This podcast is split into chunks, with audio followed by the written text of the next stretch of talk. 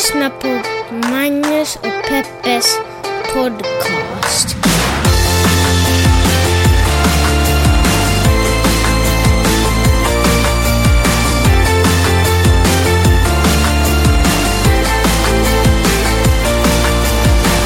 Hallå internet! Hoppas att ni har det bra där ni sitter och njuter med era hörlurar i, antar jag. För att jag tror att det är bättre att lyssna på poddar med hörlurar än att bara lyssna direkt från datorn och sådana saker. Hoppas ni har haft en riktigt bra vecka. Hur har din vecka varit, Peppe? Den har varit riktigt bra, Magnus. Mm, hjärtligt välkomna till podcasten som heter Magnus och Peppes podcast. Jag är Magnus i Magnuset i Magnus och Peppet och du är Peppe i Magnuset och Peppe. Många presenterar den här podden som Peppe och Magnus. Varför tror du det är så? Jag tror att det är för att de tror att du är viktigare än vad jag är. Tror och tror. Mm, men, eh, ja. Och jag tror att också det var därför, eftersom du är viktigare än vad jag är, så därför tror jag också att det var viktigt för mig att sätta mitt namn före i, i rubriken. Det är okej för mig faktiskt. Den eh, kidnappningen, kidnappningen gjorde jag ju också när eh, jag gjorde TV tillsammans med min kollega Peter Westerholm. Just det, det var en issue kommer jag ihåg. Nej, det var, ingen, det var inte så stor issue. Uh, issue var väl egentligen bara huruvida titeln skulle ha våra namn i sig överhuvudtaget. Men, men sen så hijackade jag det genom att när jag sitter i bilen med hon som var chef på den tiden med registrin. Så var jag så här, du, vore inte det här en bra idé att vi har våra namn i titeln? Hon bara, ja, absolut, det ska ni ha. Och så var det så. Och så blev det Magnus och Petski på TV. Men tror du det har någon innebörd, vems namn som kommer först? Alltså viktigast kommer väl alltid först. Utom Det är ju alltid- alfabetisk ordning. Det är ju så här, Usher featuring Rihanna. Då vet man ju vems låt det är. Eller ja, hur? men är det liksom Magnus featuring Peppe? Nej, men om man säger Magnus och Peppe, så... Alltså, Ja, men det är väl ingen skillnad. Folk, tänker, ju inte- ändå, folk ju- tänker ju ändå på den som Peppe och Magnus. men det är ju inte Magnus eller Peppes podcast. Det är inte sådär, ena gången är det du som är viktig, andra gången är det jag, utan det är Magnus och Peppes podcast. Jag vill säga så. Ja, nej men alltså jag, vet, jag menar inte att det är så på riktigt, men det är väl nog. Det betyder, vad, vad tror du att det betyder att jag är, är små, alltså det är ju nog mest ett skämt. Att vara så framåt, eller du vet vara så liksom töntigt aggressiv att man måste ha sitt namn först i titeln. Att man gör en issue av Det det. är väl någon slags manlighet. Ja, men jag, alltså jag vet inte. Ja, jag, alltså jag skojar med den delen av manlighet. För jag vet att för vissa människor så är det viktigt. Det är ju egentligen inte viktigt för mig. Men nu är det bara så. Och det är ingenting vi kan göra någonting åt Men vad saken. handlar den här podcasten om, utom namnet på den här podcasten? Ja, kul att du frågar Jeanette. Det här är alltså en podcast då vi liksom tittar lite på omvärlden, vi tittar på stora världshändelser och små obetydande händelser i våra egna liv. Och så försöker vi betrakta dem ur ett litet feministiskt eller journalistiskt perspektiv, mediegranskande då det behövs. Eh, och ibland så pratar vi bara om saker som vi tycker om är intressanta. Ja. Vad vill du prata om den här veckan? Ehm, när vi börjar tala om manlighet så kan jag säga en liten grej om manlighet. Mhm. Om det är okej för dig. Nej, Nej. Det gör jag ändå. Jag skrev en, en eh, essä för Svenska Yle i veckan som handlar om eh, reklam och skönhet och eh, lite om ifall sex säljer. Och eh, så citerar jag forskning som verkligen visar att det här att sex säljer är bara en seglivad myt. Det finns liksom inga forskningsresultat som visar att, att sex någonting som säljer bra. Och eh, så använde jag som exempel en... eller Jag diskuterade en, en reklam som Kalevala Korro, som är ett finskt smyckesdesignerföretag, hade gjort som en ganska bra reklam full med mångfald, men att eh, men de sålde ändå sina produkter med nakna kvinnokroppar och med att kvinnor vill vara vackra. Och då är det så himla roligt, för de reaktionerna jag fick på den här essän av uteslutande män var så här men det är klart att, eh, att det här företaget vill sälja sina produkter med sex och skönhet eftersom det är det som säljer. Jag bara, men... Men... Jag har ju precis skrivit att det inte är så. Ja. Men den är ju väldigt ingrodd, den... eh, Ursäkta. Den är ju väldigt ingrodd, den, eh, den synen.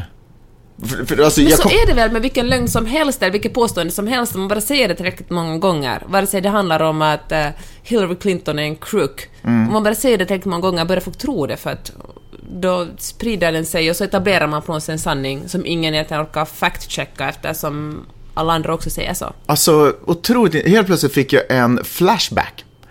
Jag kommer ihåg att ända sedan jag gick i skolan på 80-talet, någonstans under min skolgång på 80-talet, skulle tippa den senare delen när jag kanske gick i högstadiet, så kommer jag ihåg att vi under en lektion diskuterade reklam eh, reklam helt enkelt.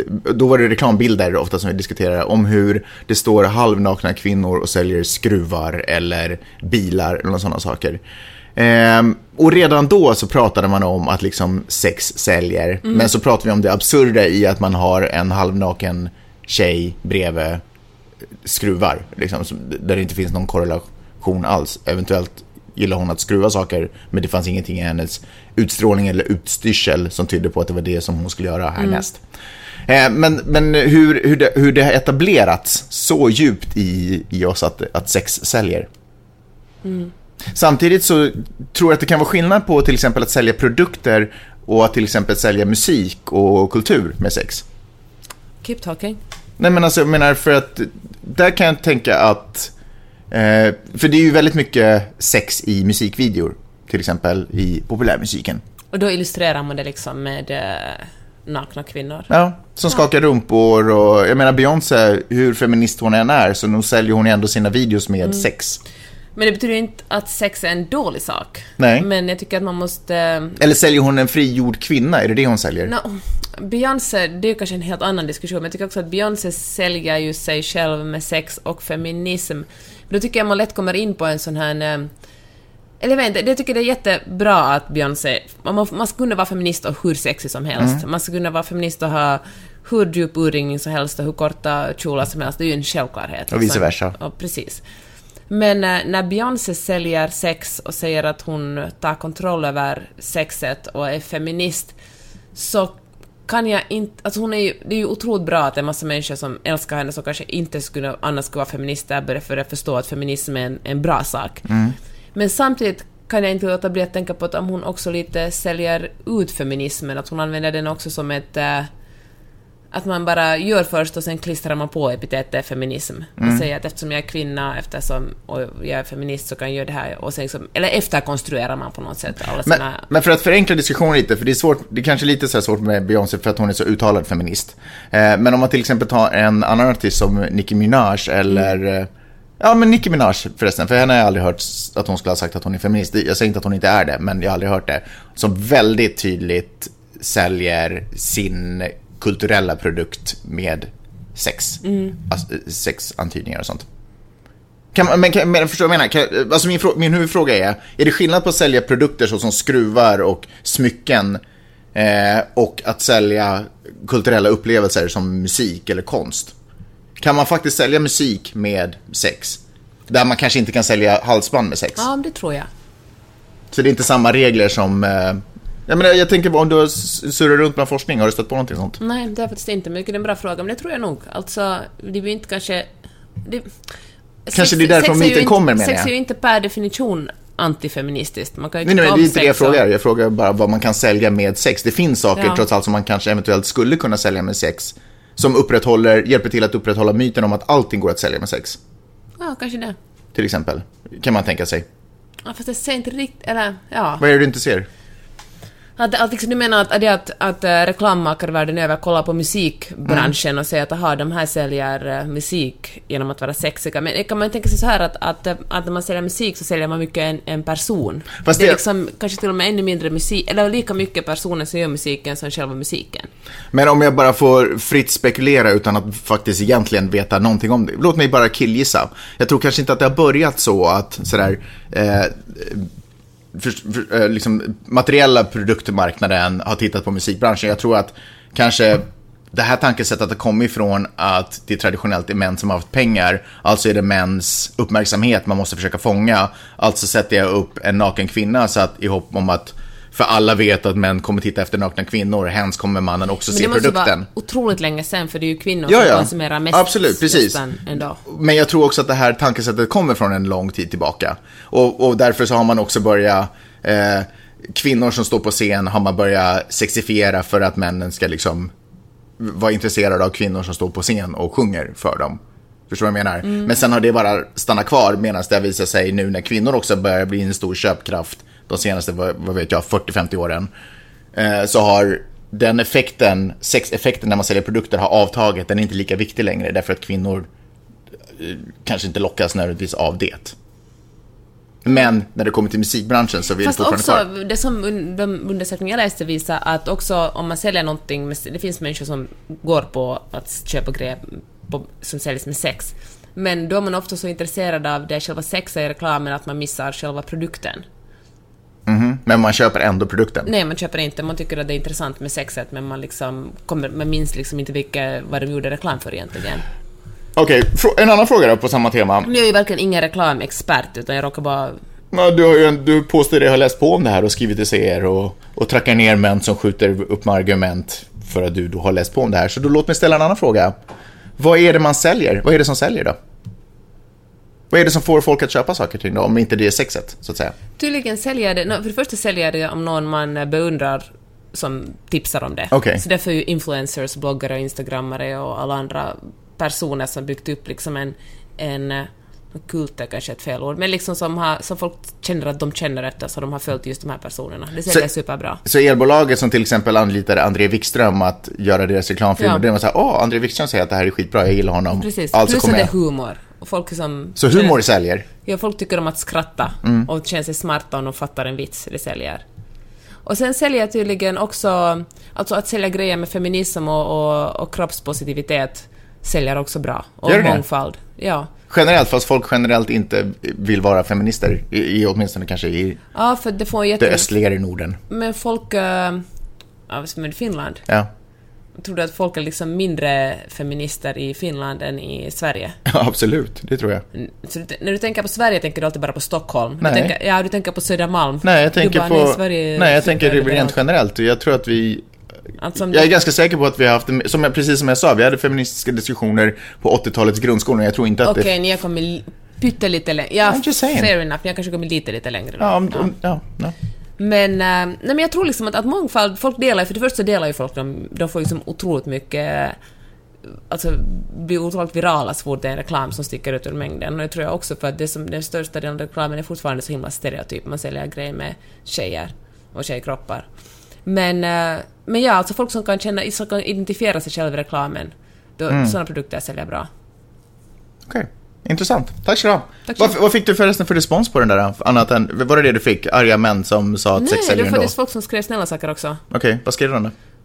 verkligt, verkligt bra skrivet. Jag hade inte väntat mig att det med en sån här rubrik så kommer en så djup analys av reklambranschen. Fantastiskt. Var hittar man artikeln om man vill, eller essän om man vill läsa den själv? Svenska Yle. Svenska Yle- Svenskayle.fi. Tack. Kovfeffe. Vad betyder det, Peppe? Ingen vet. Eller tydligen vet Donald Trump och Donald Trumps närmaste, men ingen annan En vet. liten sluten krets. Mm. Så nu gick du lite händelserna i förväg, för jag ville att du skulle prata lite om eh, hur, hur eh, de förklarar hela den här situationen. Donald Trump för ett tag sedan skrev ut en liten tweet mitt, i nassen. Eh, han twittrar väldigt mycket på natten. Och tydligen så är han nykterist. Ja. Och dricker inte en droppe Ja. alkohol. Jag tror att det var John Oliver som lärde mig det. Eh, nej, vänta. Ja, i alla fall. Vilket betyder att alla tweets som kommer mitt i... Nej, det var från, eh, det var från The White House Press eh, Lunch eller något sånt. Där den där stand-up-komikern, eh, nu kommer jag inte ihåg vad han heter men ni kan kolla upp det, superbra tal förresten, berättar att Donald Trump är Alltså nykterist. den där correspondent dinner. Ja, precis. Correspondent dinner, ja. Eller press, press lunch. ja. Beror på hur full man är. whatever. Ehm, som eh, berättar att Donald Trump inte dricker en droppe, vilket betyder att alla tweets som kommer på natten och alla tweets som överhuvudtaget skickats har gjorts helt nyktert, vilket är ju superrolig vinkling på det. Vilket fall som helst, mitt i natten, eller typ så här, klockan 12 på natten, så twittrar han följande, eller tweetar han följande. Despite the constant negative press kovfefe. Han försöker naturligtvis skriva coverage. Coverage.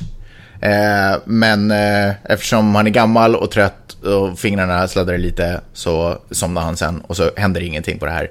Klockan sex på morgonen sen, troligtvis när han vaknar, så efter sex timmar god sömn, så eh, märker han vad som har hänt och så tar han ner den här tweeten och så skriver han... Eh, så, hoppas att ingen har märkt den. Ja, precis. Den hade bara delats, jag vet inte, säkert tiotusentals gånger. Ehm, ja, när, närmare hundra de facto. Eh, så vad heter det, så, um, han vaknar upp på morgonen och då skriver han eh, typ så här, who can figure it out, okej, okay, who can figure out the true meaning of eh, situation KFF? Frågetecken, frågetecken, frågetecken, enjoy, utropstecken. Ehm, så det var ju en typo, det där kan ju hända vem som helst. Men sen så ska Sean Spicer, the Spice Man, Mannen som får de, eh, alltså fatta och ha hans jobb. Varenda dag man kommer till jobbet så är det ett äventyr. Han bara, what's up today Mr President? Really? Okay, fuck. I alla fall. Men istället för att han bara, okej okay, men det här är en, eh, det här är bara en liten typo. Eh, för prästen tyckte att det var superroligt så alla ja. blev sådär, berätta vad betyder KFF? Liksom, vad ska vi, hur ska vi tolka det här? Att han håller på att twittra underliga saker mitt i natten. Så han hade bara kunnat säga, ja men det här var en typo, presidenten somnade, vaknade upp och tog ner den eftersom det var felskrivet. Men Trump ville inte av att han skulle sova. Nej, exakt, precis. Eh, så uh, han förklarar det här med att det är ett Alltså det är väl det, att de som, ungefär så här, de som behöver veta vet vad det betyder och det är presidenten och hans närmaste som vet vad det här betyder. Alltså, det är så konstigt. Det är så ding-ding-värld det här. Ja. Det känns som att allting som händer är, det är ju från en komedi, börjar jag nu känna. Jag kom, för, några, för några veckor sedan så visste jag inte om det var en thriller eller en komedi, men jag börjar misstänka att det här är en, det är en romcom vi lever just nu. Nej, alltså jag tycker att det tvärtom går mot att vara en thriller allt mer. Alltså ja, jag börjar tycka att, att Donald Trump är ett sånt rövhål. Förr har man ju skrattat åt honom, mm. men han är ju ett sånt jävla asshole. Alltså, han gör ju så vidriga saker. Idag bara om några timmar ska han ju informera världen om att han kommer att antagligen ta USA ur eh, Parisavtalet. Mm, just det, det här äh, överenskommelsen om att alla länder skulle göra så gott de kan när det kommer till att förbättra miljön på sina, i sina, inom sina regioner. Det som är intressant med det avtalet fick jag lära mig idag på äh, den här New York Times podcast, Daily Podcast eller sånt. Eh, som jag verkligen rekommenderar att ni lyssnar på också, superbra. Är att ehm, det är det här Parisavtalet är, är, består inte av några bindande avtal utan det handlar om länders egna ambitioner mm. att göra så gott de kan.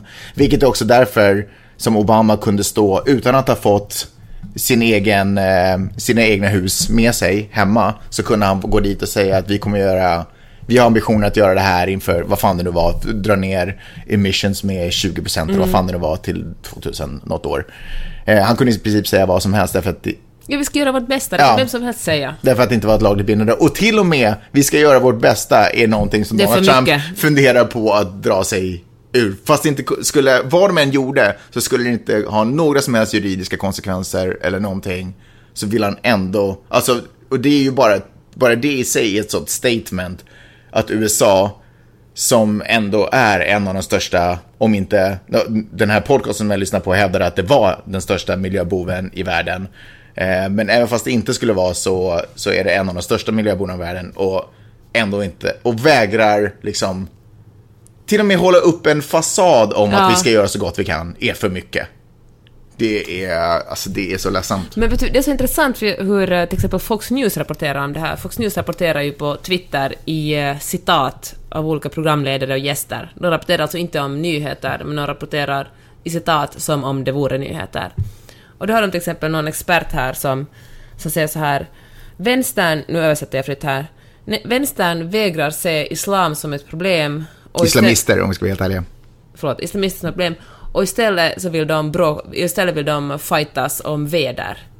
Men om man inte vet skillnad på klimat och väder till att börja med så kan man ju... Hur fan ska man kunna till att börja med ens diskutera den globala uppvärmningen? Mm. Hur kan man komma som en expert då in i studion och så har de, nu vet jag liksom, nu måste jag säga opåläst, men de har otroligt mycket om Hillary Clinton nu i dagarna. Där de säger att, att Hillary insinuerar att alla som röstar på Trump är, är rasister och, ehm, och, ehm, och Hillary skyller en massa grejer, 24 olika saker på varför hon förlorar valet. Samtidigt som de då och då meddelar att Hillary måste gå vidare och sluta tjata om, om valet. Mm.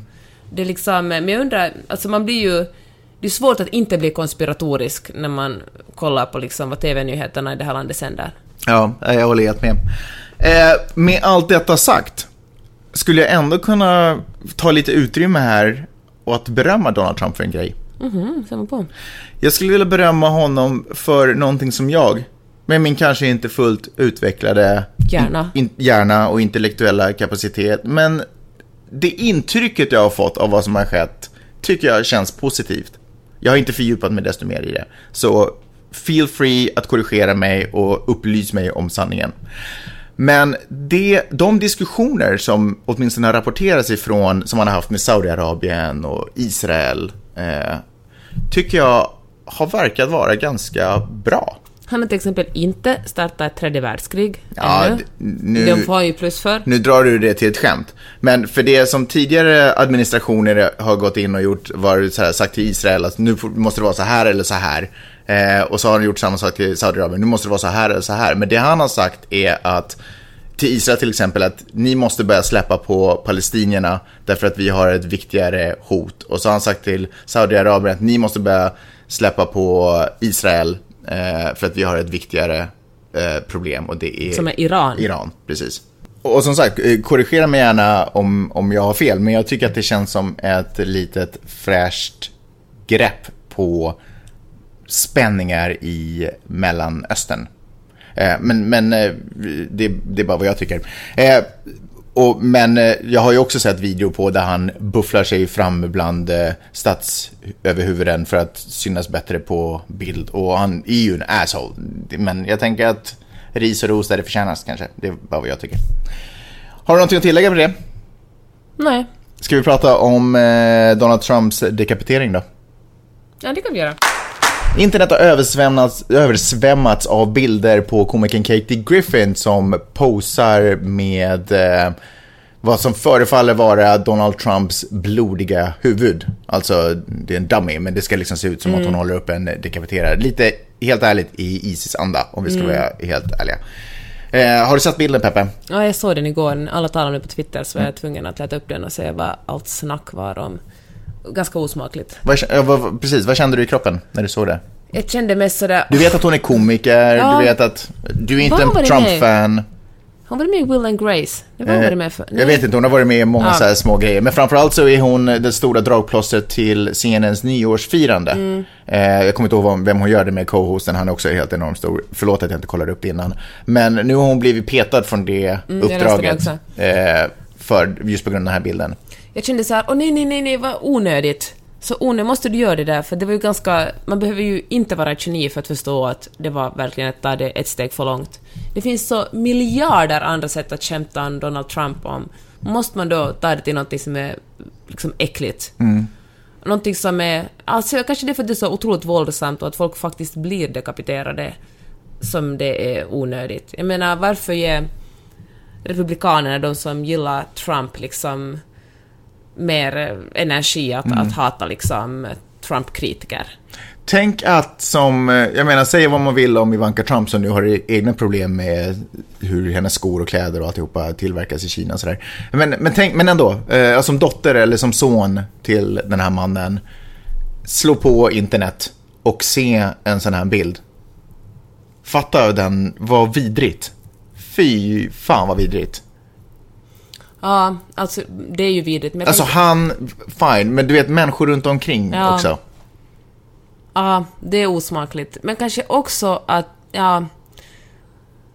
Men, alltså det är en, en del till varför det är os- osmakligt, men jag tänker att om man skämtar, man ska, det finns ju någonting som alltid rasister Men jag och fattar inte ens antifeminister skämtet. Vad var säger, att vinkeln, man ska liksom? kunna skämta om allting. Det var den photoshoot hon gjorde. Ja, men vad var, ja, vad var liksom, det här är roligt för att Jag vet inte. Det kändes ju bara som, något, som uppmärksamhets... Ja. eh, Vad var ens det politiska budskapet? Jag, jag, liksom, jag, jag, helt ärligt, jag fattar inte den här grejen. Jag förstår inte den. Jag kan inte på något sätt relatera till det här. Men jag tänker så här, när man skämtar om, eh, alltså, om sådär grovt våld, det är fan jätte, jättefarligt. Jag vet inte hur man skulle göra det på ett vettigt sätt. Nej. Det är liksom, går det ens att skämta med? Jag menar, jag, ja, fan, jag tror inte det går. Det finns så mycket våld omkring. Jag menar, efter alla bombningar i Manchester, nu är det 90 personer dog i Kabul, är det verkligen smak... Liksom, varför vill man skämta med så mycket grovt våld? Eh, Snoop Dogg kommer du ihåg, han gjorde ju också liknande Ja, saker i just sin, i sin senaste musikvideo, eller jag vet inte om det senaste, men i alla fall han gjorde ju en låt om, om det där och så figurerar typ en clownversion av Trump med som också då liksom blir clownigt avrättad, det vill säga Mm. en pistol riktas, tryck, avtryckaren trycks och så kommer det ut en flagga där det står Just bang. det, vi talade om det i podden va? Ja, det gjorde vi. Eh, jag tycker att problemet med det här är att det här, alltså, jag, han gör saker som nog kostar människor liv och, eh, och misär. Liksom. Det gör han verkligen. Han skapar, han, ska, han, han förbereder för en riktigt dålig värld inom Mm. en sån framtid. Eh, Men det är väl ingen ursäkt? Man kan ju inte vara sådär Nej, men- ni då? Nej, jag vet. Men, och det jag tycker är skillnaden är att vi vi känner så här därför att vi, vi, vi förstår på ett intellektuellt plan vad det är han orsakar och varför han är dålig. Vi är liksom bättre, helt ärligt. Vi som är emot Trump är bättre än honom. Eh, och, och alla hans anhängare, helt ärligt. Eh, och därför så ska inte vi ägna oss åt sådana där saker, därför att vi är bättre än det, därför att sådana där avrättningar och sådana saker, det var extremism och det han, populism, mm. ägnar sig åt. Det är deras sida. Det är ni som har röstat mot Trump, det är ni som ägnar er, er åt sådana saker. Och därför ska vi inte liksom, vi ska inte befatta oss med sådana där, vi ska fortsätta föra intellektuella konversationer, mm. diskussioner, sakliga argument och diskutera sakfrågor, inte fall, alltså det där är bara, det där är inte saker vi gör. Hon är en, den där bilden visar att hon är en Trump-anhängare fast på andra sidan. Mm. Ja, det är sant. Och det har ju enorm betydelse vad man säger i offentligheten och hur man skämtar. Alltså ja. det att Trumps retorik har ju lett till, eller efter att han blev vald, har ju lett till att hatbrotten mot muslimer också mot ja, rasifierade absolut. i det här landet har stigit enormt mycket. Plus, Exakt. För att inte tala om hatet mot muslimer. Jag vet inte, alla som lyssnar på den podden har säkert hört om den, om, eh, det är en The Guardian-journalist som fick stryk på ett, äh, av en republikansk äh, kongress, han blev invald faktiskt sen också, mm. det var dagen före valet, som uh, The Guardian-journalist ställde frågor av den här uh, kandidaten mm. och som han då bara kastade sig över över den här journalisten och sa att jag har fått nog av era dumma frågor. Ja, bodyslammade honom. Eh, nej men precis, därför att det är den sidan som ägnar sig åt, jag menar vårt hat och vår frustration och vår ilska ska ta sig i uttryck i argumentation och diskussion och synliggörande av de katastrofala beslut som fattas och de åsikter och de glapp i logiken som den andra sidan ägnar sig åt. Vi ägnar oss inte åt våld, det är vad de gör. Mm. Det vad Trump-anhängare och som sagt populister och extremister ägnar sig åt. Men säga man vill om den här komikern Katie Griffin, hon gjorde ju ändå en bra sak. Ja, berätta. Hon bad ju om ursäkt för det här ganska nära, genast efteråt. Och hon, det var liksom ingen, det var inte en ursäkt som löd ”jag är ledsen om någon blir ledsen”. Utan det var ju verkligen en genuin ursäkt där hon sa jag gjorde fel. Hey everybody, it's me Kathy Griffin. I sincerely apologize. I am just now seeing the reaction of these images. I'm a comic. I crossed the line. I moved the line, then I cross it. I went way too far. The image is too disturbing. I understand how it offends people. It wasn't funny. I get it. I've made a lot of mistakes in my career. I will continue. I asked your forgiveness, taking down the image, going to ask the photographer to take down the image, and I begged for your forgiveness. I went too far. I made a mistake and I was wrong. Ja. Så där ber man om ursäkt. Så där ber man om ursäkt. Där, fast jag kan nog ändå tycka att det är lite sådär, jag är komiker, jag puttar linjer, mm. jag krossar dem, eller kor, äh, kliver över dem. Eh, det är vad jag gör, jag kommer fortsätta att göra misstag, ber, men liksom ändå ber om ursäkt. Det är lite sådär givande och tagande där, fast, men ändå en ursäkt och avsluta nog tydligt med... Ja, jag tyckte nog det var en ganska bra ursäkt, för det är ju i och för sig sant, alltså. Komikers jobb är kanske att testa gränser. Ja. Jag skulle vilja säga att eh, jag tycker att det är så otroligt befriande att höra en komiker be om ursäkt för någonting som de har gjort ja, i sitt yrkesroll. Eh, för det här var ju, hon gjorde ju det, hon gjorde ju sitt jobb, förstår du vad jag menar? Och så blev det fel och så bad de om ursäkt. För det oftast tycker jag när komiker gör liknande saker så då skjut, blir de ännu aggressivare om man tittar på Seinfeld, tittar på Chris Rock, blir de ännu aggressivare. De bara, ni fattar inte skämt. Ja, det är PK-maffian, bla bla bla bla. Givet att det här kanske var grövre än någonting som jag har hört. Ja. Jo, men det, det, är klart att det, liksom, som en enskild händelse så är det grövre, men om man tänker på effekterna av deras skämt på samhälle och de förebilder Finns de ändå är. Finns det någon skillnad? Vad säger du någonting vad, vad, på de här komikerna som vägrar be om ursäkt och den här komikern som bad om ursäkt? Du menar att är, vissa av dem är män och andra är inte? Men det är säkert bara en slump. Det tror jag absolut inte att det är. Nej, men jag tycker att det är så varför är det så svårt att be om ursäkt? Jag tycker att det är så... Men det är någon manlig grej. Ursäkta att jag nu drar en inte alla män-grej. Men, men alltså, gud vad det, jag... det är, nog, det är sån stolthet. Alltså män, jag vet inte om män uppfostras till att aldrig backa en cent. Bara tro så jävla hårt på sig själva. Ja, kanske. Men eh, det, det, vi har ju kommit undan med det ganska länge att vara väldigt självsäkra. Och vi rör oss i miljöer där i och med att alla uppfostras till att vara självsäkra så rör vi oss miljöer där folk hela tiden porträtterar en självsäkerhet och då är det svårt att komma in och inte vara självsäker i sån miljö. Fast ju... egentligen är det ju mycket självsäkerhet att kunna säga Absolut. Kolla på mig, jag gjorde fel, jag ber så hemskt mycket om ursäkt. Ja. Fan vad jag, där gick, där slog det liksom slint. Ja. Förlåt. Absolut. Istället för att vara så att det är inte någonting, det är inte mig det är fel på, det är det det är fel på. Nej, nej, alltså, nej, det är ju otroligt tungt att hela tiden glida runt och vara och ha rätt, liksom. Mycket enklare att vara sådär, I messed up. Naturligtvis, det bästa är om man aldrig messar up på Men herregud, folk är människor, så man kommer ju att göra Folk dumheter. är människor. Du talar som en äkta biolog. Folk är människor. Nej, men jag håller helt med. Ehm, ja, men verkligen. Nu jag vet jag inte ens vad jag ska säga. Ska vi ta nästa ämne? Nej men grejen för att jag börjar, jag börjar famla där för att samtidigt som du börjar prata om det här med självsäkerhet, eller vi börjar prata om det här med självsäkerhet så, så fick jag så bilder av där jag rör mig i miljöer här i Los Angeles till exempel bland otroligt framgångsrika män som kan sin grej till 100% och jag själv känner att det ibland kan vara svårt att att utstråla självsäkerhet bland, även fast jag liksom inte tvivlar alls på mina kunskaper eller inte liksom tvivlar alls på vad jag har gjort liksom för att ta mig dit jag är och sådär. Och den enda grejen som egentligen skiljer oss åt är ju mängden pengar de tjänar på det de gör och mängden pengar jag gör, eller och mängden pengar, Pengar du tjänar pengar. på det jag, jag, jag gör.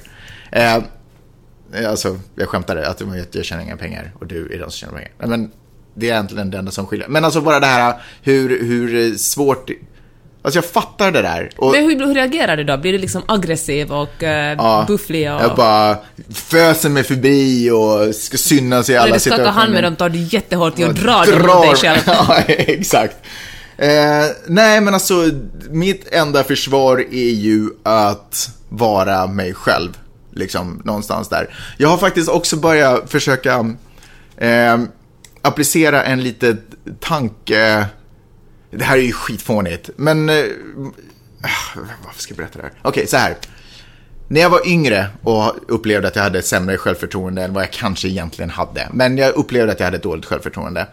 Eh, så brukade jag göra så här att om jag till exempel skulle gå ut på en krog så, så lyssnade jag på någon väldigt peppande låt innan. Så att Mm. jag skulle komma in i bra mode och liksom låtsas att jag kanske var en av dem i Outcast, Hells Andre Så fresh and so 2000. clean. Jag visste att du skulle säga det. Ja, men det har jag ju sagt tusen gånger, det har jag berättat massvis med gånger i radio också. Men i alla fall, så jag brukade lyssna på den låten, så kunde jag gå in på en krog och ha lite den låten Mm. i huvudet, så, så kom jag in med en bättre vibe. Det kanske inte hade effekten inte, men jag hade en bättre vibe. Ja. Nu har jag liksom kommit över den låten, det känns lite roligt att gnaga i mitt huvud. Så att jag har ingen låt när jag går in i de här situationerna där jag ska vara bland väldigt eh, eh, trygga och lugna män som kan vara nog så stressande. Eh, även för, alltså det är så konstigt för jag är ju verkligen lugn och trygg själv. Ja. Men anyway. Så jag har eh, börjat göra följande grej. Vad gör du? Vad gör du? Det finns någonting som kallas för storkukslugnet. Har du hört talas om det? Nej, men nu vet jag vad den här podcasten ska heta. Storkukslugnet. Ja. Det här är ju ett eh, begrepp som eh, jag har hört i flera poddar som jag, som jag klipper också. Det är liksom ett begrepp som man kan tala om. Och om jag pratar om en man, det kan också vara en kvinna för den delen, men i de här situationerna som jag pratar om så är det ju män jag är ibland. Ehm, om jag pratar om en man som kommer in på ett, på ett ställe och han har storkukslugnet, så förstår, du förstår vad jag menar, eller Ja. hur? Han är så lugn och trygg i sig själv för att han vet att bland alla män här så har han den största penisen. Och alla män vet att det finns ingenting mer respektingivande än en man som har en stor penis. Och man, får, man utstrålar en trygghet och ett lugn på ett helt annat sätt. För det spelar ingen roll hur mycket pengar du tjänar. Om du har en liten penis i förhållande till mig så är jag hövding. Liksom. Men herregud. Jag vet, bear så with me. primitivt. Bear with me. Bear with me. Allt det här är liksom psykologiska knep för att peppa sig själv i undergivna situationer. Så, I underlivssituationen. ja, så jag brukar helt sonika intala mig själv innan jag går till de här platserna om att jag har den största penisen. Det betyder att vem jag än ser, och vare sig den personen har vunnit Oscars, vare sig den personen driver ett företag som har blivit liksom rankad av eh, Forbes och alltihopa som en av de mest populära och mest attraktiva arbetsplatser någonsin, så är jag övertygad om att jag har större penis än alla. Vilket betyder att jag känner mig ganska tillfreds oavsett. Liksom. Är inte det roligt? Det är fantastiskt, Magnus. Det roliga är att, eller liksom, naturligtvis är det ju knappast sant. Men, men åtminstone så är jag så pass bra på att övertyga mig själv om det. Så att jag känner mig väldigt lugn och tillfreds. Och sen när jag liksom bara har etablerat den initierande kontakten med alla de här människorna igen så kan jag liksom släppa alltihopa. Sen kan vi bara ha roligt och trevligt tillsammans. Vilket är ju någonting jag bara borde ha gjort från början. Liksom, och inte blanda in eh, penisar. Men jag tycker du kan testa det någon gång om du någonsin känner dig osäker bland eh, kvinnor. Tänk att du har den största penisen i sällskapet då. Jag ska tänka att min vagin är den största av alla. Det funkar inte riktigt på samma sätt. Hej! Har du frågor och kommentarer så kan du mejla min mamma och pappa på Magnus och Peppe snabel-a gmail.com. Gör det!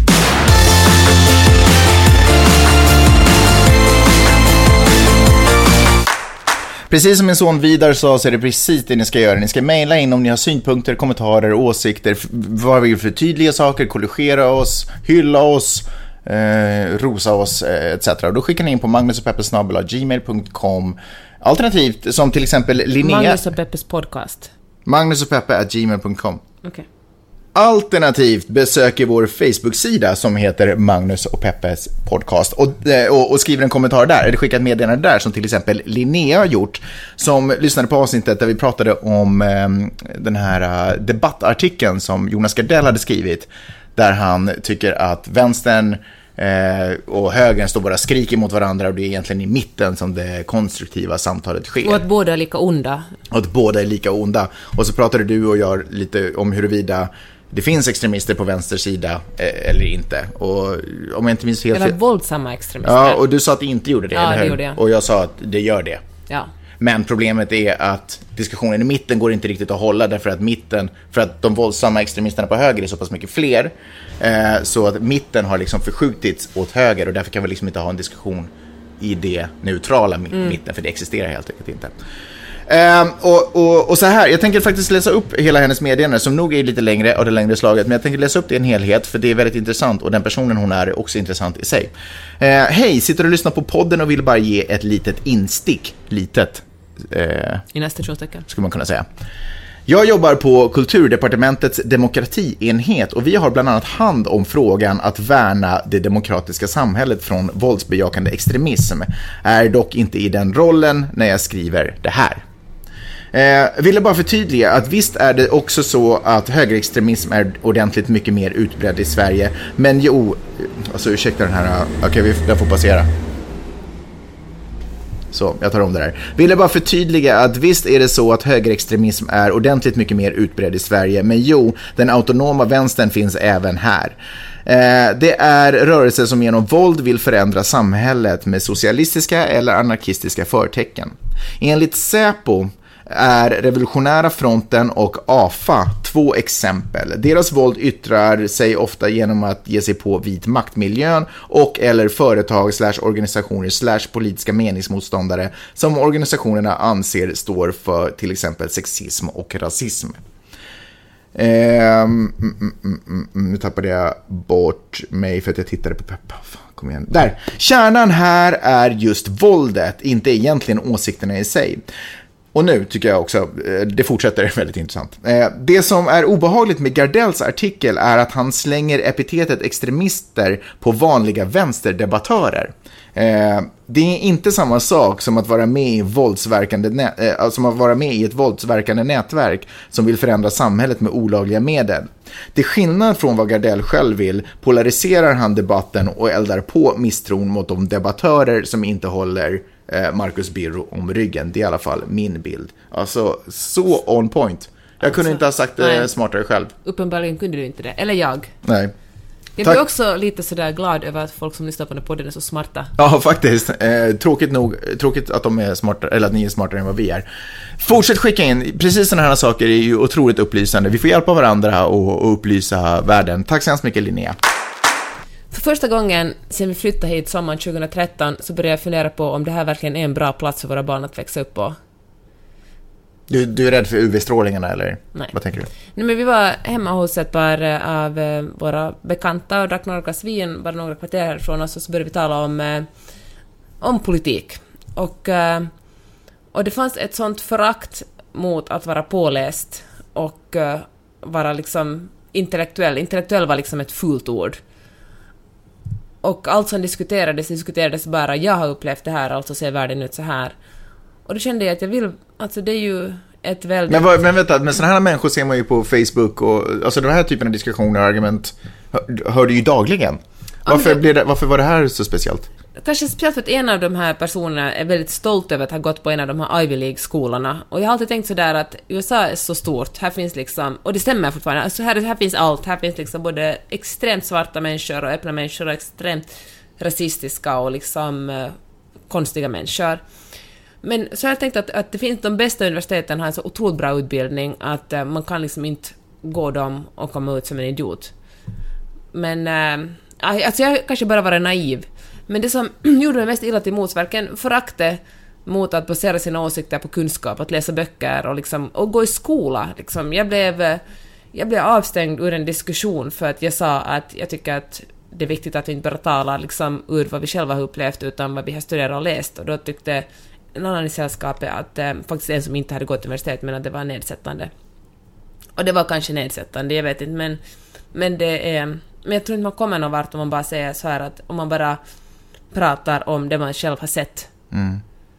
Och då tänkte jag att är det här verkligen... Alltså nu fattar jag att det finns rasister både i Stockholm och, och, och liksom folk som är som inte har läst en bok hela sitt liv som också bor i Helsingfors. Fast jag tror inte, alltså nu säger du rasister därför att, för, för att en, en del av de diskussioner vi hade behandlade ämnet rasism. Mm. Men, men om jag får flika in, mm.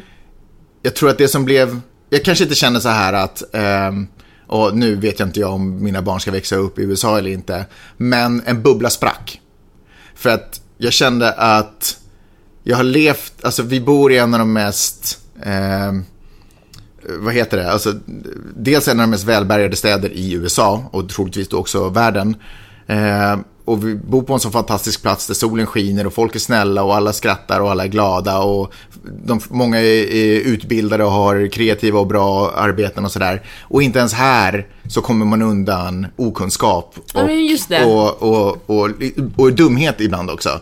Och inte ens här kommer man undan det faktum att det inte går att föra ett logiskt resonemang därför att logik inte går att applicera på, därför att, därför att äh, motpartens argumentation är känslobaserade, inte faktabaserade. Inte faktabaserade, utan de är, käns de är baserade på intuition och... Och, och rädsla. Och rädsla och sådär saker. Och inte ens här kan vi få leva ja. det livet. Så det betyder känner... att det här är som vilken annan stad som helst. Ja. Den, och det gjorde mig kanske lite ledsen, men jag känner inte riktigt att jag menar, det här förekommer ju överallt. Det var det att därifrån vi kommer så är vi så vana vid att hela tiden... Och det här var första gången vi egentligen möttes av det på den här platsen. Därför att jag trodde... För vi har fått många andra, eller jag har fått många andra diskussioner med de här personerna som har varit jättebra och fruktsamma och du vet sådär, där vi har pratat om andra saker. Ja. Nej men som har varit... Jo, ja. nej men jag har gjort det ja. i alla fall. Jag upplever att vi har gjort det. När man har pratat om... Eh, ja, vad kunde det ha varit? Medicin eller vad fan som mm. helst. Jag vet inte, intressanta, men du vet, helt samma sak. Eh, där vi har haft ungefär samma åsikt och liksom, ja. Mm.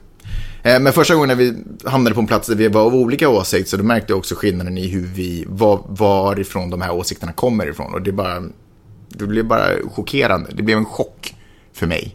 Mm. Men du känner inte, du liksom, eh, men det känns ändå som du tog det bättre än jag, som du var så att jaha, det här är bara en vanlig plats på jorden, det här är inget paradis. Det här, nej men det, jag, jag tycker, kanske bara mer naiv än du. Nej men som... jag tror att det visar så tydligt att paradiset inte existerar, det existerar bara i människors huvuden. Mm. Det är ju bara hur vi har uppfattat den här platsen och nu blev det här...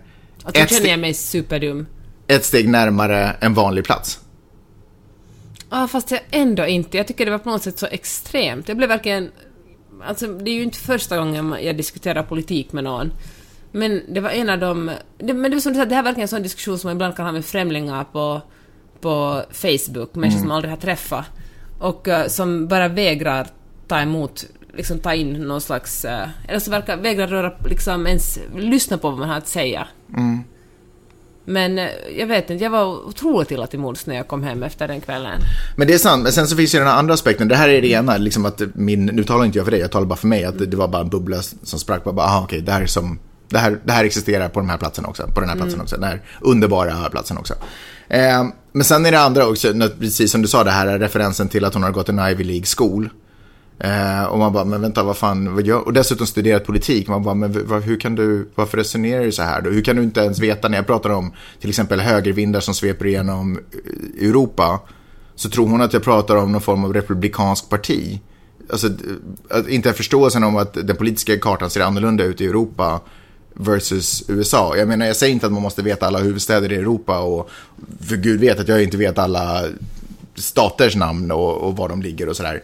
Men, men om man ändå har studerat mm. politik och, bestäm, och, och ger sig in i en diskussion om politik och inte förstår mm. grundläggande koncept som vad en extremhöger betyder, att det inte, att, det, att extremhöger inte är att jag pra, när jag pratar om extremhöger så pratar jag inte om det republikanska partiet i USA. Men jag tror det handlar om flera saker. Ett, räcker det inte att man har gått i skola på 90-talet och sen lever man på den informationen man har fått som 20-åring fram till 2017. Jag menar, man måste ju kanske uppdatera sin kunskap också och läsa en tidning då och då. Och två, så kanske det... Alltså, det finns otroligt bra skolor här, men jag känner också att...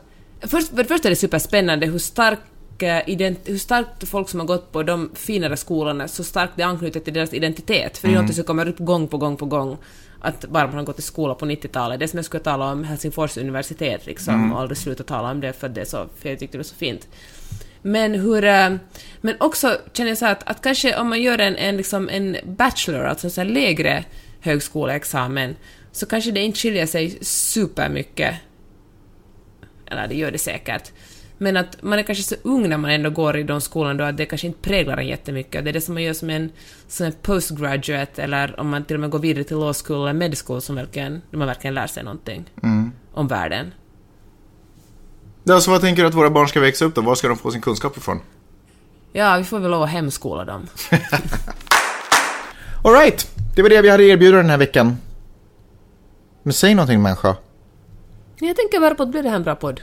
Det är klart det blir en bra podd. Och om det inte blir en bra podd när vi har lyssnat igenom det så tycker jag att vi gör precis som Kathy Griffin och kommer tillbaka och ber om ursäkt för det. Det gör vi. Vi, vi behöver inte försvara det med näbbar och klor. Ibland gör man misstag och så är det. Och då ber man om ursäkt så snabbt man bara kan. Alternativt bara glider in i situationen med storkukslugnet så kommer allting lösa sig. Tack så hemskt mycket för att ni lyssnade den här veckan och glöm inte också att ge er in och betala för avsnittet som ni lyssnar på. Tack så hemskt mycket för alla ni som gör det, det ska jag också naturligtvis säga för ni är ju ändå några stycken som gör det. Eh, vi ser ju statistiken att det är fan så många fler som lyssnar. Eh, så ni andra, ni har ju ett uppdrag att göra. Ni går in på janetteochman.com eh, och så tittar ni högerbalken där på bloggen och då ser ni två Paypal-symboler. Den ena betalar för eh, avsnitt, specifika avsnitt och den andra startar upp en prenumeration för er för en billig liten slant. Jag tror vi tar 2,80 euro för det i månaden. Det är ju ingenting, så sluta ladda Det får man inte ens en kaffe för. Nej, är det så att du mot förmodan Kaffefeffe. Är det så, exakt. Är det så att du mot förmodan inte har råd med, med dessa 2,80 i månaden, eh, så då är det minsta du ska göra är att du ska rekommendera den här podden, du ska gå in på iTunes och skriva en recension och du ska ge oss fem stjärnor. Nej, du får ge hur många du vill, men helst ser vi naturligtvis fem stjärnor. Och sprida ordet om den här fantastiska podden och varför du lyssnar på den. Lätt som en plätt. Lätt som en plätt. Vi hörs snart igen. Ta hand om er. Hej då.